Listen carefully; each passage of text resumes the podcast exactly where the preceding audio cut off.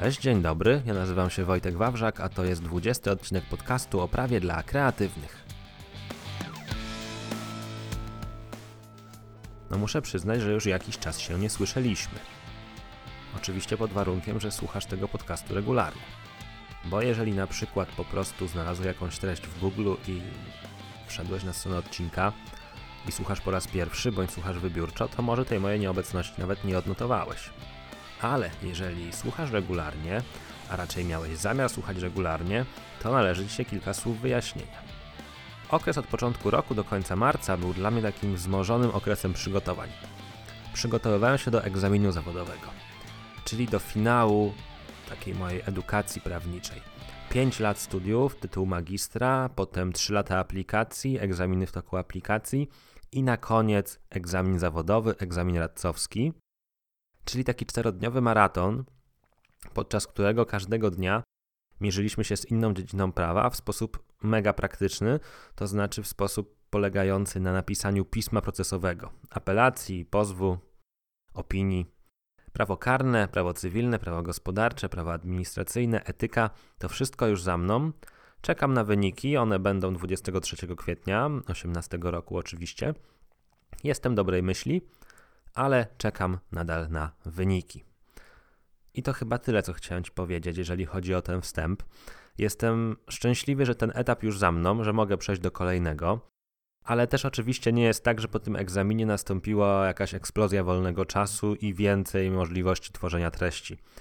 No jak to zwykle bywa, po okresie nieobecności wszyscy potencjalni klienci, którzy chcieliby ze mną pracować, wrócili, przypomnieli się i jest naprawdę od początku kwietnia nawał, nawał pracy.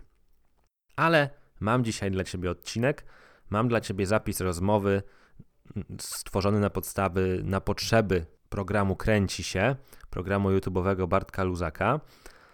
I będziemy dzisiaj z Bartkiem rozmawiać o umowach, o tym, jak je konstruować, jak zabezpieczać się na wypadek pewnych problemów, na co zwrócić uwagę, czego unikać. I w tym kontekście porozmawiamy również o prawach autorskich, no bo ten temat praw autorskich w branży kreatywnej w umowach przewija się regularnie. No i oczywiście odcinek dedykowany jest branży filmowej, ale to nie jest tak, że tylko branża filmowa z niego skorzysta. Generalnie, jeżeli jesteś zainteresowany tematem umów i prawa autorskiego w kontekście tych umów, to niezależnie od branży, w której się poruszasz, ten odcinek będzie dla Ciebie przydatny. Zatem zapraszam Cię do odsłuchania rozmowy. Po jej zakończeniu pojawię się jeszcze na chwilkę, żeby się z Tobą pożegnać, a tymczasem zapraszam do odsłuchu. No i słyszymy się zaraz po zakończeniu rozmowy z Bartkiem, która nie jest wcale taka krótka, bo wyszła nam naprawdę całkiem pokaźna dawka wiedzy, bodajże około 50 minut, więc już nie przedłużam. Zapraszam do odsłuchu. Wojtku, tak się zastanawiam, jak często zdarzało Ci się interweniować już w sytuacji, kiedy źle sformułowana umowa generowała jakieś problemy u osób, które zgłaszały się do Ciebie? Wiesz co, tak naprawdę to ja mam chyba trochę te, to szczęście, że klienci przychodzą do mnie zawczasu i bardziej zapobiegamy niż leczymy. Więc tych sytuacji spornych nie ma jakoś dużo, aczkolwiek wiadomo, że zawsze się zdarzają. Ja generalnie ich unikam, bo to nie jest wdzięczna rola i nie jestem jakimś entuzjastą toczenia sporów, natomiast od czasu do czasu zdarza się takim ludziom pomagać. I ostatnio, może nie związana koniecznie z filmem, ale związana z branżą wydawniczą. Mm, być może w jakiś sposób to również odniesie się do branży filmowej potem. Miałem taką sytuację, w której zgłosiła się do mnie kobieta, pisarka, która zawarła z, z wydawnictwem umowę wydawniczą. Wszystko było pięknie w tej umowie, tylko zabrakło w tej umowie zobowiązania wydawcy do wydania tej książki. Ona mu udzieliła licencji, licencji wyłącznej od chwili zawarcia umowy na jakiś tam okres. No bo on jej obiecał, że książkę wyda tam za kilka miesięcy czy za pół roku. Minął rok, nie wydał, wezwała go do wydania, minęło półtora roku, nie wydał, minęły dwa lata, nie wydał. No i powstał ten problem, że on nie jest zobowiązany tak naprawdę expressis verbis, posługując się takim pięknym prawniczym słownictwem, e, do wydania tej książki na podstawie umowy. I ona jest takiej zawieszona w takiej próżni. No więc to jest taki błąd właśnie, kiedy my jako twórca podpisujemy umowę, nie zastanawiając się za bardzo, co może pójść źle, no bo nam się wydaje, że skoro w tej chwili obecnie ten wydawca tak nas pięknie zapewnia, że nas wspomoże w wydaniu książki, wydają, będzie ją promował, dystrybuował, to w zasadzie nie mamy się czego obawiać. A potem się nagle okazuje, że jednak było czego i gdybyśmy tę umowę dopracowali na początku, to nawet jeżeli byśmy nie musieli, nie mogli go zmusić do wydania tej książki, to moglibyśmy z tego jakoś sprytnie wyjść w taki sposób, że na przykład moglibyśmy pójść do innego wydawcy i sprawa byłaby rozwiązana. Więc taka sytuacja mi przychodzi do głowy, jeżeli chodzi o taką nie do końca branżę filmową. Mhm. A coś takiego gdzieś tam na pograniczu mediów, filmu? Myślę, że takie historie Wiesz co, gdzieś tam... fi- Filmu reklamowego tak naprawdę. Mhm. Miałem taką sytuację, kiedy um, no, klientem jest duża korporacja, zamawia film reklamowy. No i oczywiście w filmie być pokazany pan prezes. Umówiony, umówiony jest dzień zdjęć, firma sobie wynajmuje dodatkowy sprzęt, dodatkowych ludzi, no bo spora produkcja, i może w zasadzie jakiś tam film reklamowy. No i okazuje się, że zabrakło tego pana prezesa, bo miał pilny wyjazd, jak to powiedziała sekretarka. No i koszty poniesione, a filmować nie ma co, bo nie ma prezesa. No i teraz znowu pytanie, co w tej sytuacji zrobić? Gdybyśmy w takiej umowie o zrobieniu takiego filmu zastrzegli sobie na przykład karę umowną na wypadek tego, że ze względu na okoliczności zawinione przez klienta nie można filmować, no to mamy jasną sytuację. I tak samo takie kary umowne często są po prostu dyscyplinujące. My nawet nie zakładamy, że będziemy je egzekwować, ale pokazujemy drugiej stronie, że też powinna się trzymać pewnych zasad. I liczyć się z, też z naszymi jakimiś... I liczyć się też z naszymi nakładami, no i tym, że ta współpraca ma przebiegać partnersko. W związku z tym naprawdę warto tą umowę przemyśleć, zanim ją podpiszemy, żeby właśnie na przyszłość się zabezpieczyć. No bo jak to się mówi, umowy zawieramy na złe czasy. Jak, za, jak ją zawieramy, to najczęściej jest wszystko super. Tylko, że rolą prawnika, czy też osoby przygotowującej umowę jest przewidzieć te sytuacje, które mogą pójść źle. No jeszcze jest taka sytuacja dotycząca branży muzycznej. To znaczy zgłosił się do mnie zespół, który miał umowę z wydawcą wyłącznie na rozpowszechnianie jednego singla. No i w umowie była mowa o tym, że mówimy o artystycznym wykonaniu, to znaczy wydawca nabywa prawa do wyłącznej eksploatacji artystycznego wykonania. No i tutaj pojawiają się te prawnicze szczegóły, czym innym jest utwór, czym innym jest artystyczne wykonanie. Artystyczne wykonanie generalnie jest jedno i niepowtarzalne, unikalne, bo dany utwór no, zawsze jakoś inaczej się go e, wykonuje, nawet jeżeli w sposób podobny. No, w związku z tym sama umowa dotycząca artystycznego wykonania dotyczyła tylko tego konkretnego wykonania, więc wydawca miał prawa tylko do tego artystycznego wykonania. No i zespół się zastanawiał, czy w związku z tym oni mogą nagrać inne artystyczne wykonanie tego samego utworu, na przykład w innym składzie, W innej jakąś tam aranżacji. zmienioną aranżację i wydać u kogoś innego. No i gdy się przegląda taką umowę, to nagle się dochodzi do punktu, w którym jest mowa, że ten wydawca, oprócz tego, że nabył prawa do artystycznego wykonania, to zapewnił sobie również wyłączność co do wydania tego utworu. No i nagle jest rozbieżność terminologiczna.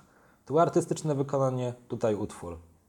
No i teraz pytanie, skoro wydawca ma wyłączność również na utwór, no to ja nie mogę sobie nagrać innego artystycznego wykonania i, wyko- i wydać go z kimś innym, no bo artystyczne wykonanie dotyczy utworu, tego pierwotnego, który powstał. No i jest taka rozbieżność terminologiczna, którą trudno wyeliminować. Oczywiście jaka jest recepta? No, gdybyśmy tę umowę sobie przeczytali na spokojnie wcześniej, wyłapali te wszystkie detale, to moglibyśmy już na etapie formułowania tej umowy te ewentualne nieścisłości wyjaśnić. No a tak to zostajemy postawieni w sytuacji, w której jeżeli wydawcy będzie zależało na tym, żeby rzeczywiście mieć taką wyłączność na utwór, no to będzie formułował argumenty, że on ma takie prawo. Druga strona będzie się powoływać, że jak gdyby ich celem było artystyczne wykonanie i teraz rozsądzić to może wyłącznie władczo sąd. No a nie, ukrywajmy, że do sądów nikt chodzić nie lubi. W związku z tym znowu zostaliśmy, zostaliśmy postawieni w sytuacji, gdy nie dopilnowaliśmy czegoś na etapie zawierania umowy i budzimy się za jakiś czas w spornej sytuacji. Udało się rozwiązać tę sytuację jakoś polubownie? Nie sądzę. Okej. Prawdopodobnie skończy się po prostu na tym, że no, ten utwór sobie będzie poza płytą wydawaną z innym wydawcą. Tylko to jest taki problem, że te, jeżeli podpisuję umowę na singiel, to najczęściej jest to piosenka, która ma potencjał i można na jej kanwie sprzedać dobrze album, a gdy zabraknie tej piosenki, to już nie jest taki murowany ten sukces. No tak. Wiem, że nie, nie, lubisz takich pytań w stylu y, na co zwrócić uwagę. Y, Mamy już tutaj jakieś trzy takie przykładowe historie, ale chciałbym Cię zapytać, y, może byśmy sobie tak przeszli gdzieś tam krok po kroku po tych najważniejszych elementach, które Twoim zdaniem warto by było zawrzeć w takiej umowie dedykowanej do branży filmowej. To może zacznijmy w ogóle od podstaw. Bo to, Chętnie. Bo to, w sensie tak o, chrono, chronologicznie przejdziemy przez umowę. Od czegoś zaczyna umowa? No najczęściej zaczyna od wskazania stron tej umowy. I to często się wydaje banalne, a- ale sporo osób już tutaj popełnia błędy. To znaczy różne, różne podmioty mogą być tymi stronami tej umowy. E, Często są to osoby fizyczne. No, sprawa jest dość prosta, bo osoba fizyczna no, to występuje jako osoba fizyczna, chyba że ma jakiegoś pełnomocnika. No ale w produkcjach, szczególnie filmowych, tych większych, pojawiają się spółki. No i teraz jest pytanie, kto tą spółkę reprezentuje? Czy reprezentuje ją właściwy podmiot? Czy w związku z tym ta umowa będzie ważna? Więc zanim my w ogóle przejdziemy do analizy merytorycznej umowy, to warto się skupić, czy te kwestie formalne związane z reprezentacją stron Czyli są trzeba, właściwie ure- uregulowane. trzeba legitymować. e, Nawet nie chodzi o legitymowanie, wiesz, bo to często wygląda tak, że przychodzi jakiś człowiek i on mówi, że on jest uprawniony do reprezentacji tej spółki. Jak my to możemy sprawdzić? No możemy po pierwsze wejść do KRS, do KRS-u, e, to jest internetowa możliwość w tej chwili, wyszukać sobie tą spółkę i sprawdzić, kto rzeczywiście jest uprawniony do reprezentacji. No jeżeli tego człowieka tam nie ma, to jeszcze nie oznacza, że nie jest uprawniony, bo on może mieć na przykład pełnomocnictwo. Wtedy musimy poprosić o to pełnomocnictwo, żeby nam je przedstawił. No i to są tego typu sprawy, tak? Związane z właściwą reprezentacją stron, żeby się nie okazało w przyszłości, że zawarliśmy umowę z kimś, kto w ogóle nie mógł tej umowy zawrzeć w imieniu tej strony. Mhm. To jest pierwsza kwestia. E, Druga kwestia, gdy przychodzimy sobie tak chronologicznie, co w tej umowie się znajduje, no to najczęściej dochodzimy do paragrafu numer jeden, który nazywa się pięknie przedmiot umowy. No o co chodzi z przedmiotem umowy? Z przedmiotem umowy chodzi o to, żeby precyzyjnie opisać, co ma być w ramach tej umowy wykonane. No to ma dość kluczowe znaczenie, bo często strony są w przekonaniu, jedna myśli, że to chodzi o to, druga myśli, że to chodzi o to. Precyzują ten przedmiot umowy dość ogólnie, na przykład zrealizowanie filmu, bez większych szczegółów. Potem się okazuje, że no, nie wiadomo do końca, co dokładnie ma być zrealizowane. Więc staramy się jak najprecyzyjniej opisać to, co mamy wykonać. Czas trwania, nie wiem, jakość nagrania, ilość zaangażowanych osób, tematyka. Często zdarza się tak, że oczywiście nie opisujemy tego szczegółowo w samej umowie, tylko załatwiamy to takim stwierdzeniem, że specyfikacja dzieła czy tam przedmiotu umowy jest szczegółowo opisana w załączniku. No i taki załącznik wtedy już nie jest pisany mądrym prawniczym bełkotem, tylko jest e, w jakiś sposób techniczną specyfikacją, która w danej branży funkcjonuje i pozwala w przyszłości ocenić chociaż w jakimś stopniu, czy ten film został zrealizowany tak, jak miał być zrealizowany. Więc to jest przedmiot umowy. Często potem dochodzimy do etapu przebiegu współpracy. No bo to też nie jest tak, że nam przychodzi klient i mówi, chce mieć taki film i jego rola się kończy. Najczęściej potrzebne jest jakieś współdziałanie, jakieś akceptacje, wymiana jakichś materiałów, zapewnienie jakichś pozwoleń na kręcenie w danej lokalizacji, zgody na wizerunek. To wszystko trzeba uregulować, żeby była pewność, kto za co odpowiada. I znowu, im bardziej szczegółowo, tym lepiej, no bo to w przyszłości pozwoli uniknąć ewentualnych konfliktów. No ja to tego nie miałem robić, przecież umawialiśmy się, panie prezesie, że to, to jest państwa gestii, ale w umowie nic w tym, nic na ten temat nie ma. No i tu przechodzimy sobie przedmiot umowy, przebieg współpracy i w końcu dochodzimy do takiego postanowienia jak prawa autorskie. I sprawa się sypie już wtedy kompletnie, bo my w ogóle nie wiemy, jak to ugryźć. I teraz nie wiem, jak uważasz, czy robimy te prawa autorskie od razu, omawiamy tutaj, czy potem przeniesiemy co? do kolejnego bloku. Chciałbym później zapytać Cię o kilka kwestii z nimi związanymi, więc być może e, przejdźmy dalej, a potem sobie wrócimy do praw autorskich, bo tak naprawdę no, tutaj No to mielibyśmy, clue, to tak, tu sedno. mielibyśmy najwięcej pytań, Dokładnie. wiadomo. Więc oprócz tych praw autorskich jest kluczowa kwestia dla wykonawcy, czyli wynagrodzenie. No i to znowu się wydaje oczywiste. No i wydaje się oczywiste, ale przy znowu prostych i niezłożonych procesach produkcyjnych pod tytułem robię film, oddaję Ci ten film, Ty mi płacisz. No ale nie zawsze tak to wygląda. I też w interesie wykonawcy jest to, żeby nie zawsze to tak wyglądało. Ja zawsze nakłaniam klientów, żeby chociaż jakiś zada- zadatek powalczyli, jakąś zaliczkę, jakąś część płatności z góry. Często zdarza się tak, że przewidujemy etapy współpracy, jakiś harmonogram, do tego dnia to robimy, do tego dnia to i to i korelujemy z tym wynagrodzenie. Czyli pierwszy etap rozliczamy tak, potem drugi, potem trzeci i tak dalej, i tak dalej. I tu znowu, im bardziej szczegółowo, tym oczywiście lepiej, no bo mamy pewność e, i nie musimy bazować na jakichś domysłach, co ktoś sobie pomyślał. Wiemy, jak wszystko ma przebiegać.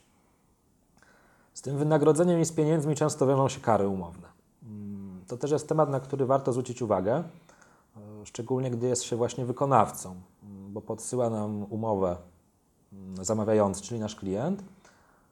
No i okazuje się, że tam w, tych, w tej umowie na wypadek wielu zobowiązań, których my możemy nie wykonać, są kary umowne w wysokiej wartości, o wysokiej wartości. No więc warto wiedzieć, jak co zawalimy, to co nam grozi. Mm, I często się okazuje, że nawet za błahe obowiązki, które nam wydają się nie do końca istotne, pojawiają się kary umowne. Więc zawsze warto te paragrafy o karach umownych dokładnie przeczytać, żeby nie być potem zaskoczonym, że wykonaliśmy na przykład coś z opóźnieniem dwudniowym, a za każdy dzień opóźnienia mamy 1000 zł za tytułem kary umownej. I cóż tam jeszcze? Często pojawiają się postanowienia o poufności pod tytułem, że strony zgodnie postanawiają, że przekazane sobie informacje technologiczne i tak dalej stanowią informacje poufne. I tutaj wszystko pięknie z tymi postanowieniami, bo one z reguły są powtarzane wzorcowo, natomiast e, no, czasem warto doprecyzować, co jest tą informacją poufną.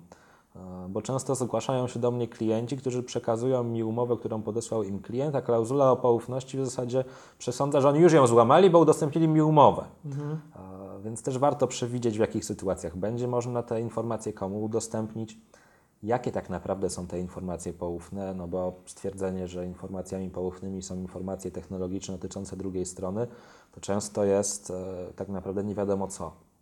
Na to też warto zwrócić uwagę. No i myślę, że są takie najważniejsze kwestie. Być może jeszcze sobie o czymś porozmawiamy dalej pod kątem Twoich pytań. Jasne.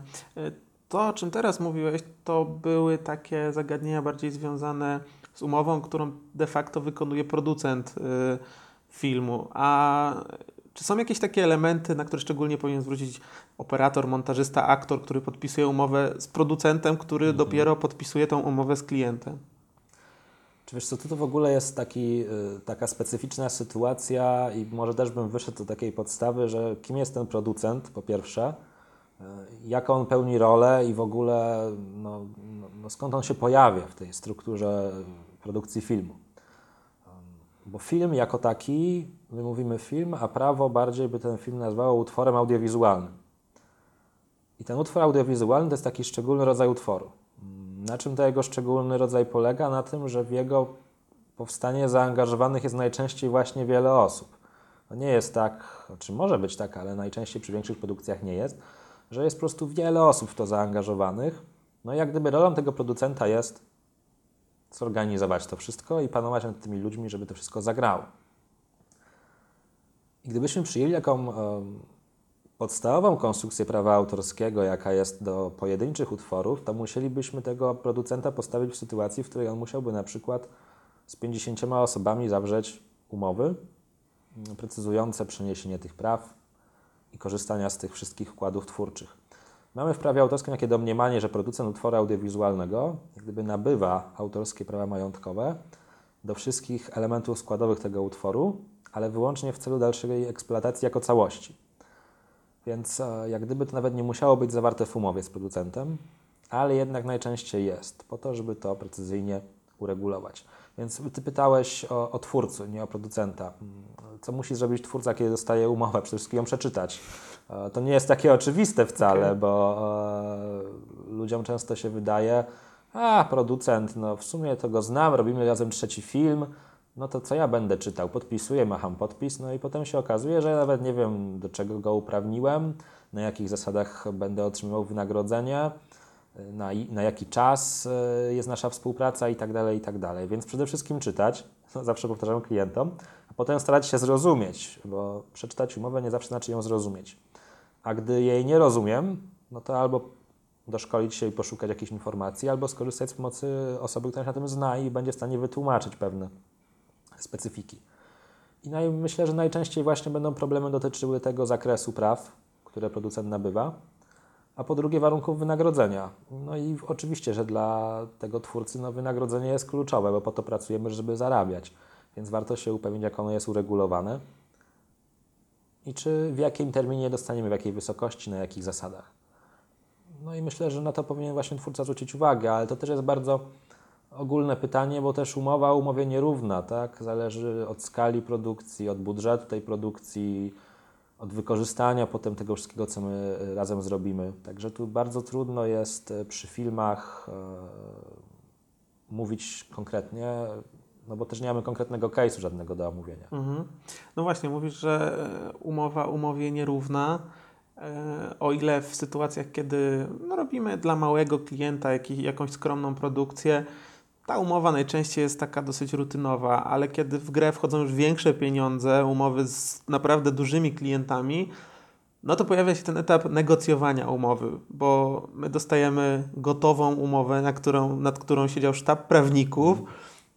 I Chociaż po nie przeczy- zawsze. Chociaż, Chociaż nie zawsze, ale wiesz, po przeczytaniu jej jest tak, kurczę, no, z tej umowy wynika, że jesteśmy w ogóle tutaj szarą myszką, która nie ma nic do powiedzenia. Jestem ciekaw, na co zwracać uwagę przy negocjacjach, na co można sobie pozwolić przy negocjacjach, a na co wręcz nie można sobie w ogóle pozwolić. To jest takie bardziej pytanie już psychologiczne niż prawda tak najbardziej, tak, tak naprawdę. E, No bo to negocjacje bazują na no, jak gdyby wyczuciu, na co można sobie pozwolić Mhm. z drugiej strony. I też na naszej pozycji negocjacyjnej. No bo jeżeli robisz coś po raz pierwszy dla kogoś jako mały podwykonawca dla jakiegoś giganta, to rzeczywiście prawdopodobnie dostaniesz umowę, z której wynika, że ty wszystko musisz, ale w zasadzie nic nie możesz. No właśnie, to się często zdarza. No ale tak naprawdę znowu wrócimy do tych postanowień, o których mówiliśmy. Tak? Musimy zawsze zweryfikować ten przedmiot umowy, żebyśmy wiedzieli, co mamy zrobić. Te kary umowne, szczególnie kary umowne, bo te kary umowne są często nadużywane właśnie w taki sposób, um, jak gdyby z automatu. Czyli za każde jakieś niedołożenie jakiegoś tam niewypełnienia obowiązku, kara umowna, bach, najlepiej od razu milion złotych. To, to, to druga kwestia jest taka, że to nie oznacza od razu, że ta kara umowna zawsze w takiej kwocie zostanie zasądzona, bo jest coś takiego jak miarkowanie kary umownej i kara umowna rażąco wygórowana. Natomiast na te kary umowne zawsze warto zwrócić uwagę. Warto zwrócić uwagę, jakie są terminy w takiej umowie, bo my się często umawiamy mailowo, ustnie, przed zawarciem umowy, że tam w jakimś takim terminie, no i potem podpisujemy tę umowę, a się okazuje, że termin w tej umowie był już zupełnie inny i my na przykład nie jesteśmy w stanie mu sprostać. Więc e, jak gdyby znowu bym wrócił do, tego, e, do tej takiej praktycznej rady, przeczytać tę umowę, poświęcić to pół godziny, godzinę, nie pod tytułem, że lecę przez wszystko, myślę, że jest dobrze, i wczytać się w, o co chodzi w konkretnych postanowieniach. No bo po to są umowy zawierane, szczególnie przez duże podmioty, żeby zabezpieczyć się jak najwięcej. I teraz im bardziej ja zrozumiem te zabezpieczenia drugiej strony, tym bardziej będę mógł z nimi negocjować. No ale nie oszukujmy się, że często negocjować będzie ciężko, na przykład w zakresie terminów płatności, co sam na pewno wiesz, jak to wygląda. Niestety tak, ale no, jak, jak wiemy, ten, kto ma te pieniądze, niestety dyktuje tutaj I to jest warunki. właśnie, to dobrze o tym wspomniałeś, że, że, że, że chodzi też o pieniądze. Dlatego ja zawsze namawiam klientów, żeby próbowali negocjować chociaż jakąś część pieniędzy z góry, bo to trochę tak wygląda, że jak dostajesz jakieś pieniądze, to jesteś na tej lepszej pozycji. Bo jeżeli zrobisz coś i nic jeszcze nie masz, no to jesteś w sytuacji, w której masz prawo. Jak to mój dziadek zawsze opowiadał taki e, dowcip, e, co ma żołnierz do chleba. No prawo ma, no i co z tego? No i masz tak samo prawo do wynagrodzenia, ale jak druga strona powie nie płacę, no to ty musisz uruchomić cały proces sądowy. A jeżeli masz jakieś pieniądze z góry, no to już czujesz, że w jakiś sposób jesteś zabezpieczony. Tylko, że u nas w Polsce z tymi płatnościami z góry niestety no to jest z reguły taka reakcja drugiej strony. No z góry, no jak, no panie, z góry? No gdzie? Pan zrobi, to ocenimy, czy się należy. No i potem się okazuje, że się nie należy, bo ocena była negatywna, często bezpodstawnie. Więc ja bym zawsze zachęcał chociażby próbować negocjować ten, to wynagrodzenie. I myślę, że za chwilę też dojdziemy trochę do praw autorskich, bo te negocjacje często dotyczą również pól eksploatacji, ale to może nie będę Mhm. y, wybiegał. Tu zwróciłeś uwagę na ten jakże smutny niuans y, sytuacji, w której klient mówi: No, zobaczymy, jak to będzie, i dopiero zapłacimy. Jak my możemy się zabezpieczyć przed sytuacją, w której oddajemy dzieło i nagle okazuje się, że totalnie rozminęliśmy się jakimś takim, e, taką wizją tego, jak ma ono wyglądać? No po pierwsze możemy się zabezpieczyć tym, o czym mówiliśmy kilka chwil wcześniej, czyli precyzyjnym opisem przedmiotu umowy. To już jest sporo, bo pozwala przez, w oparciu o jakieś obiektywne kryteria ocenić, co zostało zrobione, a co ewentualnie nie. Natomiast też wiadomo, że nie sposób opisać wszystkiego, no szczególnie gdy chodzi o jakiś efekt artystyczny. Um, dlatego niekiedy spotyka się w umowach takie postanowienie, że Zamawiający oświadcza, że zapoznał się z portfolio twórcy, znany mu jest jego, nie wiem, sposób montażu, obróbki, e, generalne wrażenie i akceptuje to. Natomiast to jest takie postanowienie trochę zabezpieczające, ale on tak naprawdę no, nie pozwoli osiągnąć takiego rezultatu, że my się na nie powołamy i koniec. E, dlaczego? Dlatego, że istnieje coś takiego jak e, odpowiedzialność wykonawcy dzieła za to dzieło. Jest tak zwana rękojmia za ewentualne wady. No i cały szkopuł w pracy twórczej i kreatywnej polega na ocenie, co jest wadą, a co jest jakimś sposobem interpretacji tematu. No i nie sposób niestety takich sporów um, uniknąć w 100%. Natomiast jeżeli my precyzyjnie określimy przedmiot umowy, jeżeli no my jak gdyby zawrzemy nawet taką klauzulę właśnie o tym akceptacji stylu, to jesteśmy potem w razie ewentualnej batalii na lepszej pozycji, no bo ten sąd jak to rozsądzić będzie miał. No będzie musiał zważyć jakieś argumenty, więc będzie mógł się odwołać do tego, że my opisaliśmy precyzyjnie, co ma być zrobione. Aha, zrobione. A zaakceptował jego styl wcześniej, no to może obejrzymy jego wcześniejsze filmy, jak on będzie zbieżny w miarę stylu, znaczy, że jest ok, tak? Natomiast e, znowu wrócimy do praktycznej zasady, dopóki nie mamy pieniędzy, dopóty to my sobie możemy dywagować, no bo co z tego, że my mamy rację, nawet jeżeli będziemy mieli rację w tym sądzie, kiedy ten sąd nam przyzna rację powiedzmy dwa lata po fakcie, a my w tym czasie już no, po tym zleceniu akurat no, musieliśmy zamknąć naszą firmę, bo budżet się nie spiął. Więc znowu pojawia się ten etap, że zawsze jakieś pieniążki warto z góry egzekwować od klienta. I to jest tak naprawdę jedyny sposób stuprocentowego zabezpieczenia, bo teraz jak nam klient powie, nie podoba mi się, i będzie na tyle bezczelny i nie będziemy się z nim w stanie dogadać, to my też pójdziemy na bezczela i powiemy, nie podoba Ci się? Okej, okay, no to idź do sądu, może Ci sąd przyzna zwrot tych pieniędzy, nam zapłaciłeś. No i to jest takie trochę wyrachowanie. No i oczywiście znowu z wielkimi podmiotami, gdzie nam zależy na współpracy, no, będzie ciężej, chyba nie jest też to niemożliwe. No to też zależy właśnie ktoś, jak ktoś ma też, jak, jakie ktoś ma predyspozycje nie wiem, menedżerskie, psychologiczne, negocjacyjne. Jedni sobie lepiej radzą w takich kwestiach, inni w drugich. Więc może się okazać, że wyodrębnienie w naszej strukturze w firmie jakiejś osoby odpowiedzialnej za negocjacje umów, podejście stricte biznesowe będzie um, no, opłacalne w dłuższej mecie, na, na dłuższą metę. Mm, za chwilę już przejdziemy do tego clue odcinka, czyli tych naszych praw autorskich, ale przyszła mi do głowy jeszcze jedna rzecz. E, do którego momentu e, twórca może się wycofać ze współpracy, bo na przykład e, klient ewidentnie zaczął, zaczął wzbudzać podejrzenia, albo z drugiej strony, do którego momentu klient może się wycofać z takiej współpracy, bo na przykład okazało się, że właśnie skończyły mu się pieniądze i jest na tyle uczciwy, że chce się wycofać, a nie po prostu zrobić nas gdzieś tam na szaro. Jak tutaj wyglądają te proporcje, w którym miejscu jest ten moment i jak się tutaj zabezpieczać również? Tu jest wiele wątków tak naprawdę.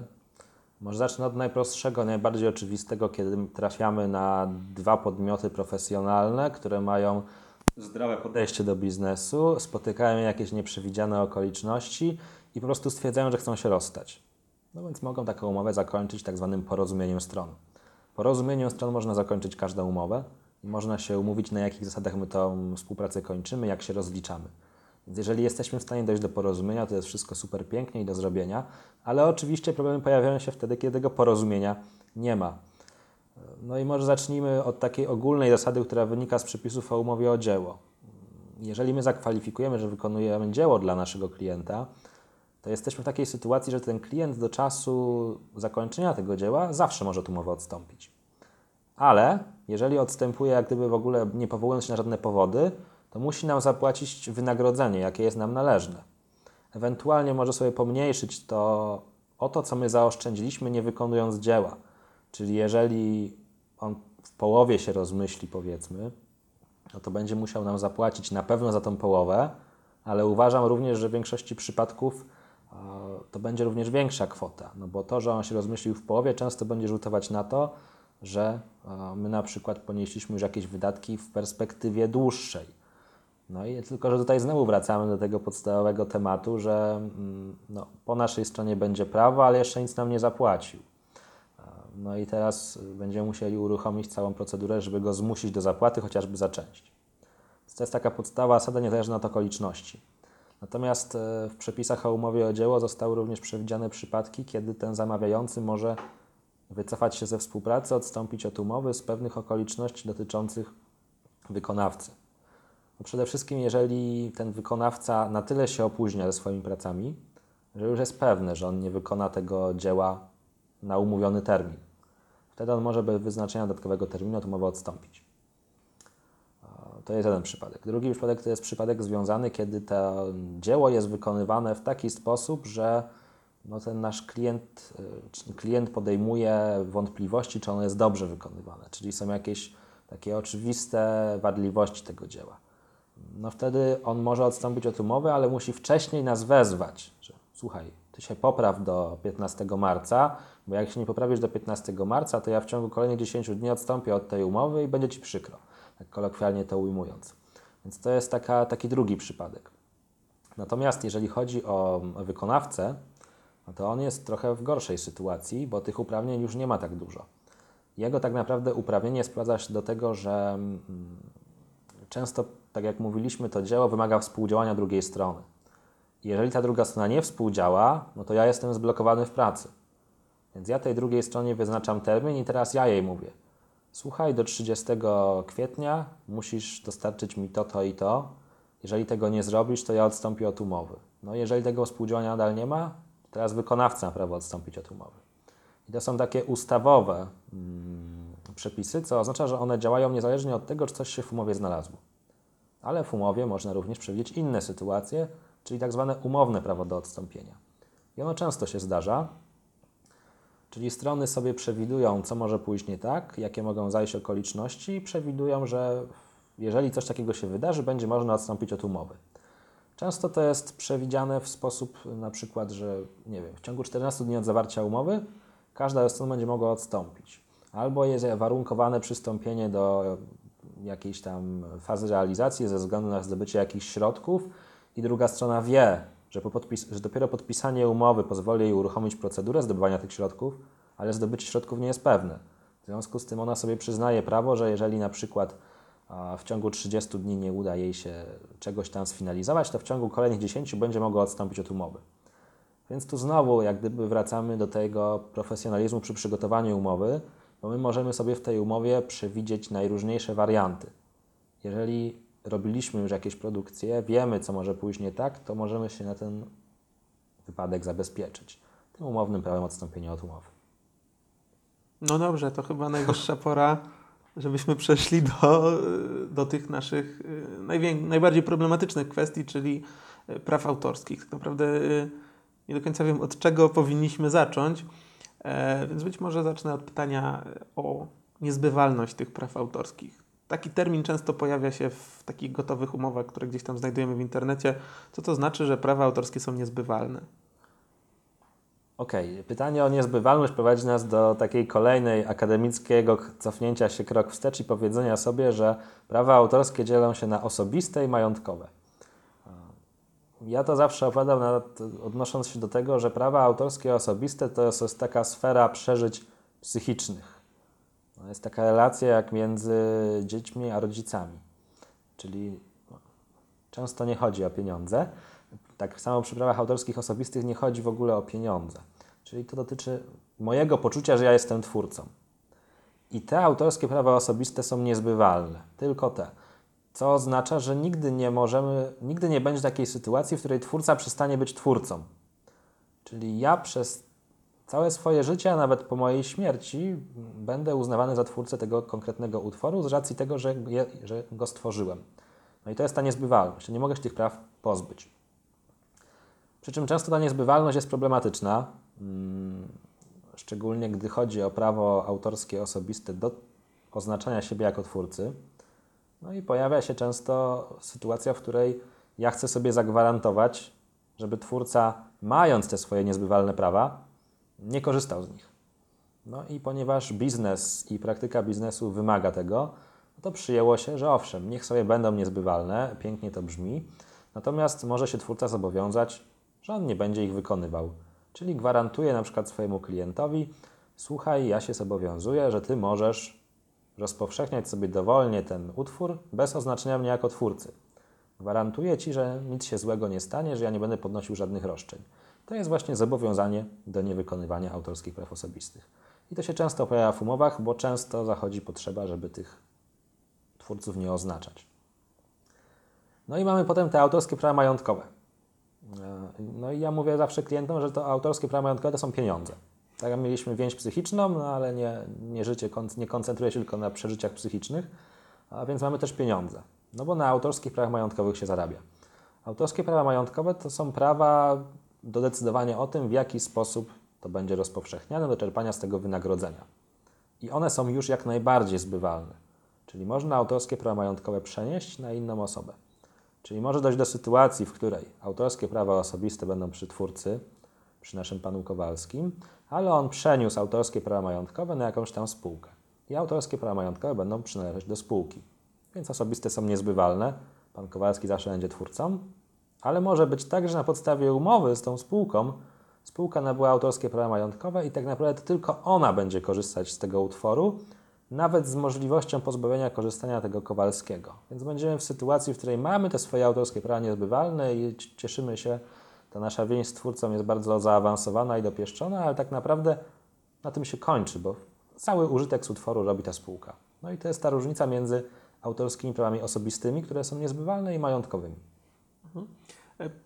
Od razu przychodzi mi tutaj do głowy pytanie o budowanie jakiegoś naszego portfolio. E, No bo tak naprawdę twórca chyba jest świadomy tego, że nie wiem, robiąc reklamę, oddaje ją w jakiś sposób swojemu klientowi. No ale chciałby się również móc pochwalić innym klientom, że zrobił taką reklamę. Co w takiej sytuacji? Jak tutaj zadziałać, żeby móc później jednak pokazać komuś, że to my zrobiliśmy tą reklamę? Co tu jest kilka dróg argumentacji, bo wśród tych autorskich praw osobistych, powołując się na te autorskie prawa osobiste, można zawsze mówić, że no nie można mnie pozbawić e, przymiotu twórcy, więc ja mogę zawsze innym opowiadać, że jestem twórcą. I to jest jak pewna argumentacja, natomiast e, jedynym sposobem na wyeliminowanie wszystkich wątpliwości jest umówienie się z drugą stroną, czyli wprowadzenie do umowy stosownych postanowień, że twórca będzie mógł korzystać z tego utworu, rozpowszechniając go w ramach portfolio, czy też w, w jakiś tam inny sposób. Przy czym to też często zależy od tego, jaki charakter ma umowa. Jeżeli to jest przeniesienie autorskich praw majątkowych, to zawsze bym polecał uzyskać tą zgodę od nabywcy na korzystanie z autorskich praw osobistych. No i to często twórcom się wydaje takie e, godzące w ich ego, no bo jak to ja jestem twórcą, przeniosłem prawa i teraz mam się pytać tego mojego nabywcę, czy ja mogę? No, ale dla bezpieczeństwa lepiej rzeczywiście zapytać, czy mogę i zawrzeć to w umowie. Natomiast jak mam do czynienia z licencją, o czym też pewnie za chwilę sobie porozmawiamy, tutaj już sprawa nie zawsze jest taka oczywista, bo może być tak, że my udzielimy licencji niewyłącznej, czyli licencji, w której moż, mo, można ją udzielić wielu podmiotom. I taka licencja w ogóle nie pozbawia nas prawa korzystania z tego utworu samodzielnie. I tutaj odwrotnie, jeżeli klient nas nie zobowiąże w umowie do niewykorzystywania w portfolio, to przy licencji niewyłącznej zawsze będziemy mogli to robić. Więc zarówno w interesie klienta, jak i w interesie wykonawcy jest zawsze przewidzenie w umowie sposobu korzystania z tego utworu. Tym szczególnie myślę, że bardziej jednak w interesie twórcy, bo klienci z reguły no, mają tego świadomość, a twórca nie ma. I potem się okazuje, że udostępnił jakiś film w swoim portfolio, tylko przypominał jeszcze ten wątek, że w ogóle ten film był objęty klauzulą poufności na przykład. Znaczy klient chciał go mieć w ogóle u siebie w strukturze, na przykład tylko na potrzeby wewnętrzne, nie komunikować go światu, a tutaj nagle twórca w portfolio mówi, ej słuchaj, zrobiłem dla takiego i takiego taki taki film, fajny jest, nie? No i okazuje się, że no, klient jest wręcz zdziwiony, że do tego doszło, no bo jak to miał być poufny, po to, po to były te klauzule. Więc znowu warto tę umowę przeczytać i upewnić się, co ja z tym utworem mogę zrobić. I jeżeli chcę robić coś więcej, to negocjować to. Nie na zasadzie, a umowie mi nie wolno, ale jakoś to potem będzie, to ja sobie wykorzystam. No, może tak będzie, może nie będzie żadnych problemów, ale lepiej mieć pewność. E, Pojawiał się tutaj termin licencji, umowy na czas określony, nieokreślony. E, Czym się różnią te, te poszczególne zapisy i w jakich sytuacjach polecałbyś e, skorzystanie z którego? Kiedy to przynosi jakąś korzyść, kiedy, kiedy nie? Może powiem na początku tak, że jeżeli mamy przeniesienie autorskich praw majątkowych, to tam najczęściej w ogóle nie będzie mowy na jaki okres. bo ta konstrukcja jak gdyby w założeniach jest taka, że przenoszę, czyli pozbywam się trwale. Owszem, można kombinować z konstrukcją przeniesienia na przykład e, na 5 lat, po czym te prawa powracają, ale to jest taka trochę gimnastyka i rzadko to się zdarza. Więc przeniesienie autorskich praw majątkowych najczęściej jest no, na zawsze, można powiedzieć. Natomiast przy licencjach pojawiają się kwestie czasowe. No bo licencja może być na czas określony, może być na czas nieokreślony. Czas określony, czyli na przykład dwa lata. Tak ja gwarantuję mojemu klientowi, że masz dwa lata prawo korzystać, ale po dwóch latach już nie masz prawa. No przy pewnych projektach to, to się zdarza, natomiast jednak najczęściej jest licencja na czas nieokreślony, czyli ty możesz korzystać przez nieokreślony czas.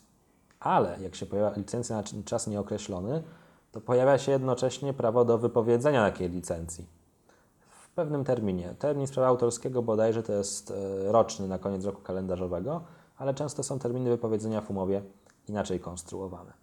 Więc jeżeli ja mam licencję na czas określony, to muszę się liczyć z tym, że nie będę mógł się przez ten czas sprzeciwić wykorzystaniu. No bo jak jest umowa na czas określony, to jednocześnie nie ma możliwości jej wypowiedzenia. Przy czym znowu prawnicy powiedzą, że można wprowadzić do umowy na czas określony możliwość wypowiedzenia, jeżeli obwaruje się to ważnymi powodami. Czyli na przykład sytuacją, to się często zdarza, ty masz prawo korzystać przez dwa lata, ale gdyby się zdarzyło, że w tym czasie wykorzystasz to poza zakresem licencji, to ja mogę wypowiedzieć umowę i już w ogóle nie możesz korzystać. Więc to jest taki wariant y, możliwości wypowiedzenia przy licencji na czas określony. No a przy tej licencji na czas nieokreślony jest ta możliwość wypowiedzenia, tak jak mówiłem, ale często zdarzają się licencje dożywotnie. No i z tym prawnicy w Polsce mają problem, czy w ogóle jest coś takiego jak licencja dożywotnia. No bo generalnie ogólna zasada takich zobowiązań czasowych jest, że można je wypowiadać. A tutaj jak gdyby dożywotnio jest jak gdyby trochę sprzeczne z istotą w ogóle zobowiązania trwałego, więc um, różne są szkoły, tylko najczęściej to wygląda tak, że jeżeli ktoś nabywa licencję dożywotnią i ten drugi ktoś udziela tej licencji dożywotnio, to żadna ze stron nie jest zainteresowana kwestionowaniu tej dożywotności. No to jest na przykład jak kupujesz e, pakiet biurowy w tej licencji na zawsze no, teoretycznie pewnie tam Microsoft mógłby ją wypowiedzieć, e, natomiast nie zrobi tego, bo kupiłeś ten produkt, e, więc e, nie będzie tego robić, bo to jest dla niego nieopłacalne. On po prostu, wiesz, po pięciu latach przestaną supportować i, i tak no, będziesz zmuszony, żeby to, to, kupić to kolejną inna wersję. kwestia, to już inna kwestia, natomiast tak to właśnie wygląda. Więc tak wygląda w ogóle rozróżnienie między licencją a przeniesieniem. I teraz pytanie, kiedy jest potrzebne przeniesienie, a kiedy licencja? Bo klienci najczęściej dążą do przeniesienia. Dlaczego? Dlatego, że to eliminuje wszystkie wątpliwości. A my chcemy wtedy za to więcej pieniędzy. A my chcemy za to więcej pieniędzy, mamy pole do negocjacji i rzeczywiście przyjęło się, że przeniesienie jest droższe niż licencja. Natomiast jeszcze jest coś takiego jak licencja wyłączna. Czyli ja licencjonuję komuś w taki sposób, że tylko on może korzystać.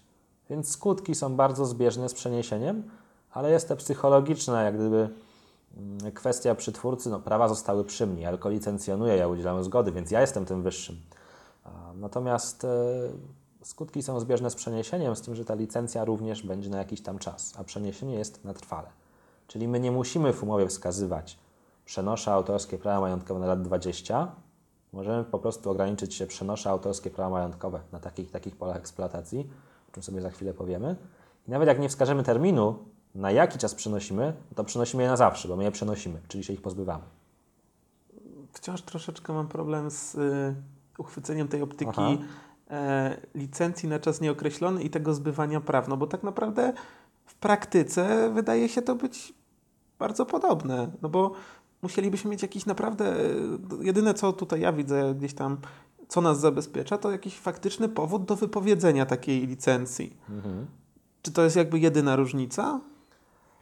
Znaczy nie jedyna, bo jeżeli mówimy o określonym czasie Mówimy licencji, o nieokreślonym. nieokreślonym mhm. E, no nieokreślony naraża tego naszego nabywcę na takie y, niepewność, że my jednak możemy ją wypowiedzieć, mhm. tak? E, nawet jeżeli termin wypowiedzenia jest długi, nawet jeżeli wynosi rok, to jednak w pewnym momencie nabywca może stracić prawa do korzystania. No tak. A przy przeniesieniu w ogóle nie ma dyskusji. Nabyłem prawa, ty mi nie możesz teraz zabronić. Nie możesz mi powiedzieć, że ja odwołuję przeniesienie. No chyba, że się prze, przewidzi różne warianty umowne, ale w to już nie idziemy. Więc y, na tym to polega, że to przeniesienie daje pewność i dlatego większość umów, które przedstawia klient wykonawcy, jest przeniesienie, a nie licencja. E, W tych umowach pojawia się jeszcze czasami wątek e, współdzielenia licencji, zrzekania się praw autorskich. O tym chyba jeszcze nie mówiłeś. To są błędne określenia. To po prostu polega na tym, że ktoś skorzysta z jakiegoś wzoru mm, i trochę bezrefleksyjnie to zrobił. No bo tak jak już mówiliśmy, zrzec się praw, to co to znaczy? Osobistych się zrzec nie można. Można się zobowiązać, że nie będę wykonywał. Autorskich praw majątkowych zrzec, no niby się można, ale to nie jest prawidłowa terminologia, tak? My przenosimy prawa. Jeżeli ktoś się ograniczy w umowie do stwierdzenia, że ja oto ten, czy ten twórca zrzeka się praw autorskich na korzyść drugiej strony, to to nie znaczy nic. Ta druga strona nie nabywa żadnych praw. Chociażby dlatego, że nie ma w ogóle wskazanych pól eksploatacji. Więc posługiwanie się terminem zrzeczenie się, no jak dla mnie jest w ogóle takim już e, znakiem też, że ta umowa jest nieprofesjonalna. Natomiast jeśli chodzi o współdzielenie, mm, no też trudno mi powiedzieć, w jakim to kontekście jest użyte, bo, no bo może być tak, że jak gdyby licencja jest udzielana dwóm podmiotom, tak? czyli dwa podmioty formalnie mają prawo korzystać. Spółka X i spółka Y, na przykład powiązane kapitałowo w jakiś sposób. No one wtedy tak w języku potocznym współdzielą tą licencję, ale tak naprawdę to licencja jest po prostu dwóm różnym podmiotom udzielana. No to współdzielenie może też się pojawić w kontekście współautorstwa, tak? czyli e, robimy coś we dwójkę, to teraz my jak gdyby współdzielimy prawa autorskie, to znaczy przysługują nam one wspólnie w częściach równych i my możemy teraz wspólnie udzielić komuś licencji albo wspólnie przenieść te prawa. Natomiast e, no, samo takie współdzielenie to bardziej jest znowu taka jakaś kalka z języka potocznego, która nie do końca e, w język prawny się wpisuje. E, Nawiązałeś też do pól eksploatacji. Ja pamiętam, że kiedyś podpisywaliśmy umowę, w której chyba całą stronę zajmowały pola eksploatacji, łącznie z tym, że tam były wypisane jakieś archaiczne nośniki, Aha. które kompletnie nie mają już racji bytu. Czy Kasety VHS, kasety VHS, kasety magnetów, w ogóle no było tam wszystko. szpule. E, Zastanawiam się właśnie na ile, na ile to jest faktycznie jakieś tam zabezpieczenie się, e, a na ile to jest tak powszechny zapis, że po prostu klient zakłada, że będzie to już wykorzystywane na tych wszystkich polach eksploatacji. I tutaj jeszcze takie jedno pytanie, które mi przychodzi do głowy, czy jeżeli na przykład klient w umowie ma tam jako pole eksploatacji na przykład YouTube, to czy my wtedy możemy sobie ten dany film, nie wiem, sprzedawać na płytach DVD? Jak to wygląda? Najczęściej to wygląda tak, że umawiamy się wcześniej ustnie, mailowo, telefonicznie. Słuchaj, potrzebuję filmu, bo robię kampanię e, internetową. No więc twórca sobie myśli, aha, robię kampanię internetową, potrzebuję wyłącznie pola eksploatacji internet. I potem dostaje umowę i właśnie jest bach cała strona i wszystkie możliwe pola eksploatacji. Internet, telewizja, nawet prasa dla wideo się okazuje, że też warto się zabezpieczyć na ten wypadek, bo w prasie... Są płyty dołączone do magazynu. I inserty, tak. A, więc y, jak gdyby znowu w interesie tego nabywcy jest posiadać całą pulę z góry, bo on się kieruje zasadą a, może za dwa lata mi się przypomni, że chciałbym to jeszcze zrobić w taki sposób, to już nie będę musiał z tym twórcą się ugadywać, a on pewnie będzie chciał pieniędzy, to najlepiej, żebyśmy załatwili to od razu. No i stąd są wszystkie możliwe pola, jakie nam przyjdą do głowy. To jest jeden powód, dla którego tak jest. Ale to zakłada świadomość tego nabywcy, czyli że on świadomie chce nabyć na wszystkich możliwych w danej chwili polach eksploatacji. Ale to często również wynika e, no, z braku świadomości prawnej nabywcy, bo ten nabywca ma wzór, albo po prostu nawet zgłosił się do jakiegoś prawnika i ten prawnik mu zrobił uniwersalną umowę, ale z charakteru tego, że jest uniwersalna, są właśnie wszystkie możliwe pola, żeby on sobie to dostosował do swojej własnej sytuacji, no ale nie dostosował. Generalnie y, poleca się, żeby te pola eksploatacji były opisane tak, że byłoby wiadomo rzeczywiście, co można zrobić i żeby odpowiadały rzeczywistemu użytkowi, jaki będzie robiony. No i tu znowu jest argument dla twórcy, który może, który może wykonać w ramach negocjacji. No więc jeżeli my się umawialiśmy na internet, a on dostaje umowę, w której jest e, rozpowszechnianie w kinach, e, na płytach, e, czyli rozpowszechnianie na jakichś tam konferencjach, odtwarzanie, no to może powiedzieć, no okej, no, według pra- ustawy o prawach autorskich za każde pole eksploatacji inne wynagrodzenie, więc no, ja za internet to wyceniłem na 10 tysięcy, ale na kina to już jest 50. Jesteś zainteresowany również konferencjami, no to 60. No i tak, tak, tak można się z tym e, nabywcą targować, a skończy się do tym, że nabywca stwierdzi, wiesz co, jednak zostaniemy przy internecie. Albo powie, to jednak niech ktoś inny zrobi mi ten film. Albo niech tam ktoś inny zrobi ten film. A, więc e, no to jest ta kwestia, że pożądane jest, żeby te pola eksploatacji były opisane raz, że no, dość szczegółowo, czyli żeby czytając po prostu było wiadomo, co z tym się będzie ro- robiło. I żeby to nie było na wszystkie pola. Chyba, że rzeczywiście się na to oboje godzimy. A odpowiadając na Twoje drugie pytanie, czyli czy może zdarzyć się sytuacja, w których e, ktoś kupił od nas na internet, a my komuś innemu sprzedamy na e, kino. No jest taka możliwość potencjalna, bo przenieśliśmy prawa na jednym polu eksploatacji, na innym zostały przy nas, więc na tym innym możemy przenieść na kogoś innego. Tylko to rzadko się zdarza, zdarza w praktyce, bo często ten nabywca, przynajmniej świadomy nabywca, będzie dążył do tego, że nawet jeżeli on nie nabył na tych polach, to będzie próbował wprowadzić jakieś postanowienia, na podstawie których my na przykład zobowiążemy się, że nie będziemy konkurencyjnej działalności w stosunku do niego prze, przekazywać tych praw czy udzielać licencji. Więc e, znowu jest ta kwestia tego, co znajduje się w umowie. Natomiast jest to jak najbardziej możliwe. Tak, ja mogę udzielić licencji na wydanie mojej książki wydawnictwu na papierze, które jest zainteresowane papierem, e-booka komuś innemu, audiobooka jeszcze komuś innemu. Jak najbardziej prawo autorskie na to pozwala, tylko że w praktyce się po prostu rzadko zdarza. Mhm. Cały czas rozmawiamy tutaj o, o tym, że pracujemy z danym materiałem dla jednego klienta, ale zdarzają się osoby, które produkują wideo typowo pod stoki, czyli pod te platformy, które oferują materiały wideo o jakiejś takiej uniwersalnej treści, z których mogą sobie korzystać różne podmioty. E, Ja sobie zdaję sprawę z tego, że każdy taki stok ma inny regulamin, ale czy mógłbyś tutaj coś powiedzieć o tym, jak to funkcjonuje w, w odniesieniu do praw autorskich?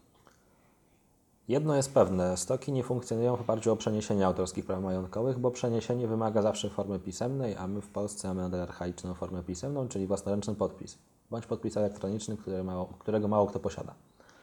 Zatem jeżeli ja coś na stok wrzucam, najczęściej udzielam stokowi licencji na dalszą odsprzedaż.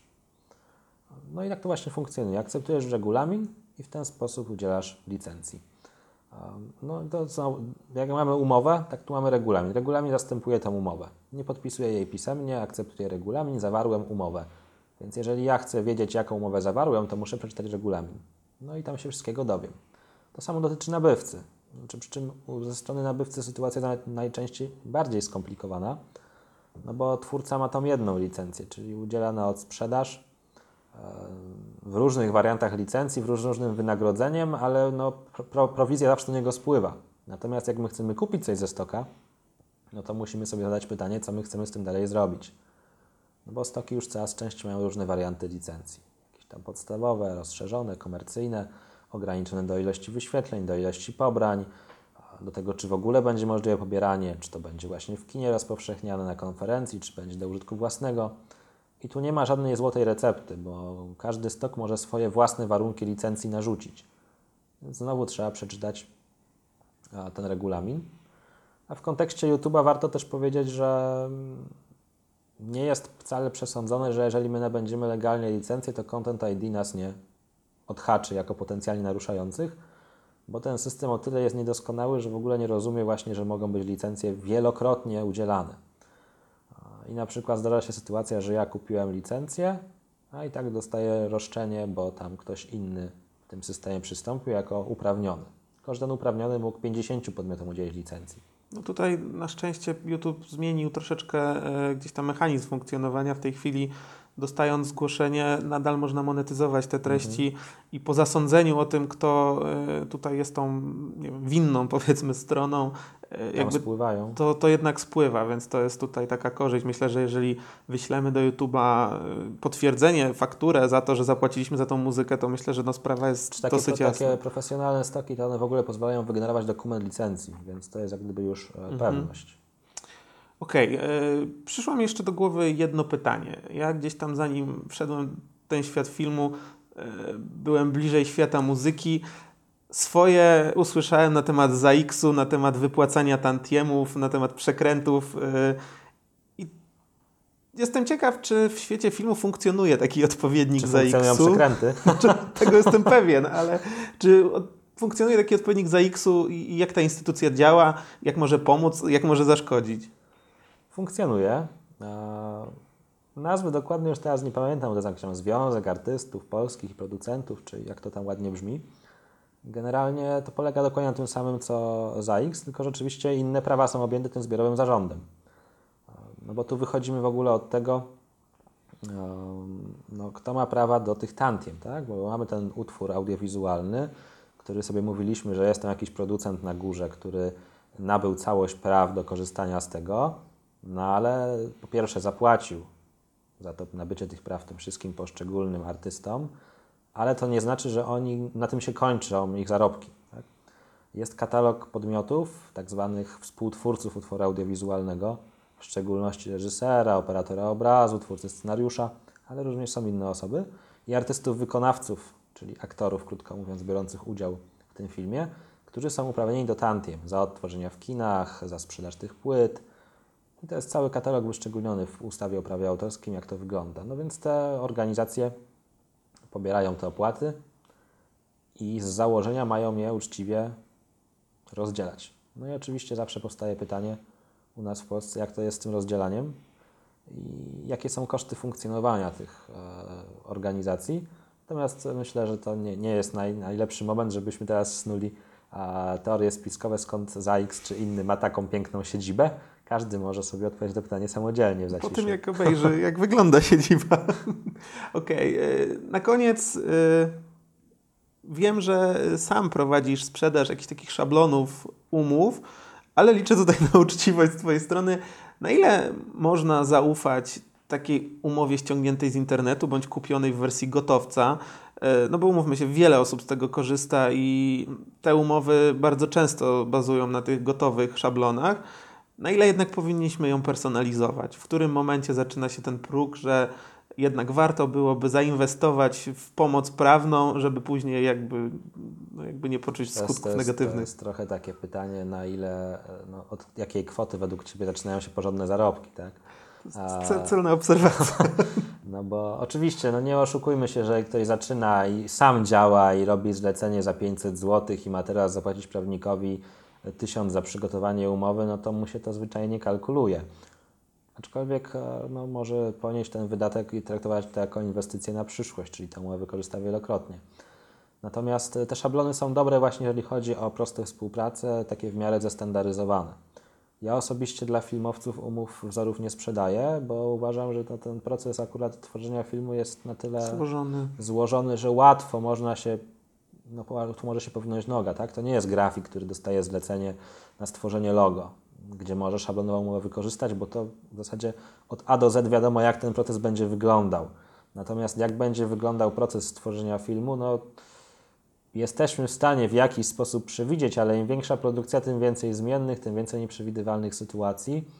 I tak naprawdę stworzenie takiego uniwersalnego wzoru jest bardzo trudne, no i po prostu też ryzykowne, więc y, jeżeli my mamy produkcję, na której nam zależy, jest spora finansowo i chcemy być profesjonalni, to jednak bym polecał indywidualną umowę, a już najbardziej to bym odradzał szukania wzorów różnych, bo tak często się zdarza, klienci przychodzą do mnie, Panie Wojtku, mam umowę, zrobiłem. No i potem widzę paragraf pierwszy z umowy z pierwszego miejsca w Google, paragraf piąty z siódmego. Wszystkie możliwe definicje tam już pomylone, terminologia też. Jest oczywiście piękna umowa, tylko że do niczego tak naprawdę. Więc e, jeżeli ktoś chce wzór, to niech bazuje chociaż na jednym, już nie łączy tych wzorów, a jeżeli ma wątpliwości, no to do jego rozsądku pozostają kwestie skonstruowania tej umowy z kimś, kto ma o tym większe pojęcie niż ono. Pozostaje mi y, zachęcić wszystkich do tego, żeby w razie problemów zgłaszali się do Ciebie i dziękuję za rozmowę. Kłaniam się. No i jak podobał Ci się ten materiał? Mam nadzieję, że wyniosłeś z niego sporo wiedzy dotyczącej umów, wiedzy dotyczącej również prawa autorskiego. Pamiętaj, że zawsze jestem do Twojej dyspozycji. Zawsze możesz napisać do mnie pod adresem kontakt i spróbujemy coś podziałać. Tutaj oczywiście proszę o wyrozumiałość, no bo tych maili spływa dziennie kilkanaście, kilkadziesiąt. Tworzy się pewna kolejka. Ja też nie jestem w stanie na wszystkie maile na bieżąco reagować, no bo byłoby to niemożliwe. Mam również swoje zobowiązania wobec klientów, więc w pierwszej kolejności muszę obsłużyć należycie ich, no bo tego wymaga profesjonalizm w moim działaniu. Ale jestem, jestem również na Facebooku, oczywiście jestem również na blogu. Generalnie blog to jest bardzo duże źródło wiedzy. Jeżeli czytasz, czytałeś wcześniej, no to na pewno o tym wiesz. Jeżeli nie, to zapraszam Cię do strefy wiedzy. Tam jest w górnym menu na blogu zakładka strefa wiedzy i tam znajdziesz przegląd wszystkich materiałów, które mogą Ci się przydać. Znajdujesz tam naprawdę mnóstwo wiedzy i tak naprawdę, gdy do mnie piszesz ten e-mail, to sporą część informacji możesz znaleźć już na blogu. Dlatego serdecznie zachęcam Cię do zapoznania się z materiałami, ale oczywiście, jeżeli masz taką potrzebę, jestem do Twojej indywidualnej dyspozycji mailowo. No i cóż, nie będę już dzisiaj przedłużał, bo rozmowa z Bartkiem była całkiem długa. Oczywiście powiem jeszcze, że na blogu znajduje się transkrypcja tego odcinka, transkrypcja tej rozmowy, więc przechodząc do strony odcinka, która jest podlinkowana w opisie, znajdziesz pełen zapis tekstowy rozmowy i będziesz mógł w każdej chwili wrócić do tego, co wysłuchałeś. No i cóż, serdecznie Ci dziękuję za uwagę i do usłyszenia w kolejnych odcinkach. Trzymaj się ciepło, cześć.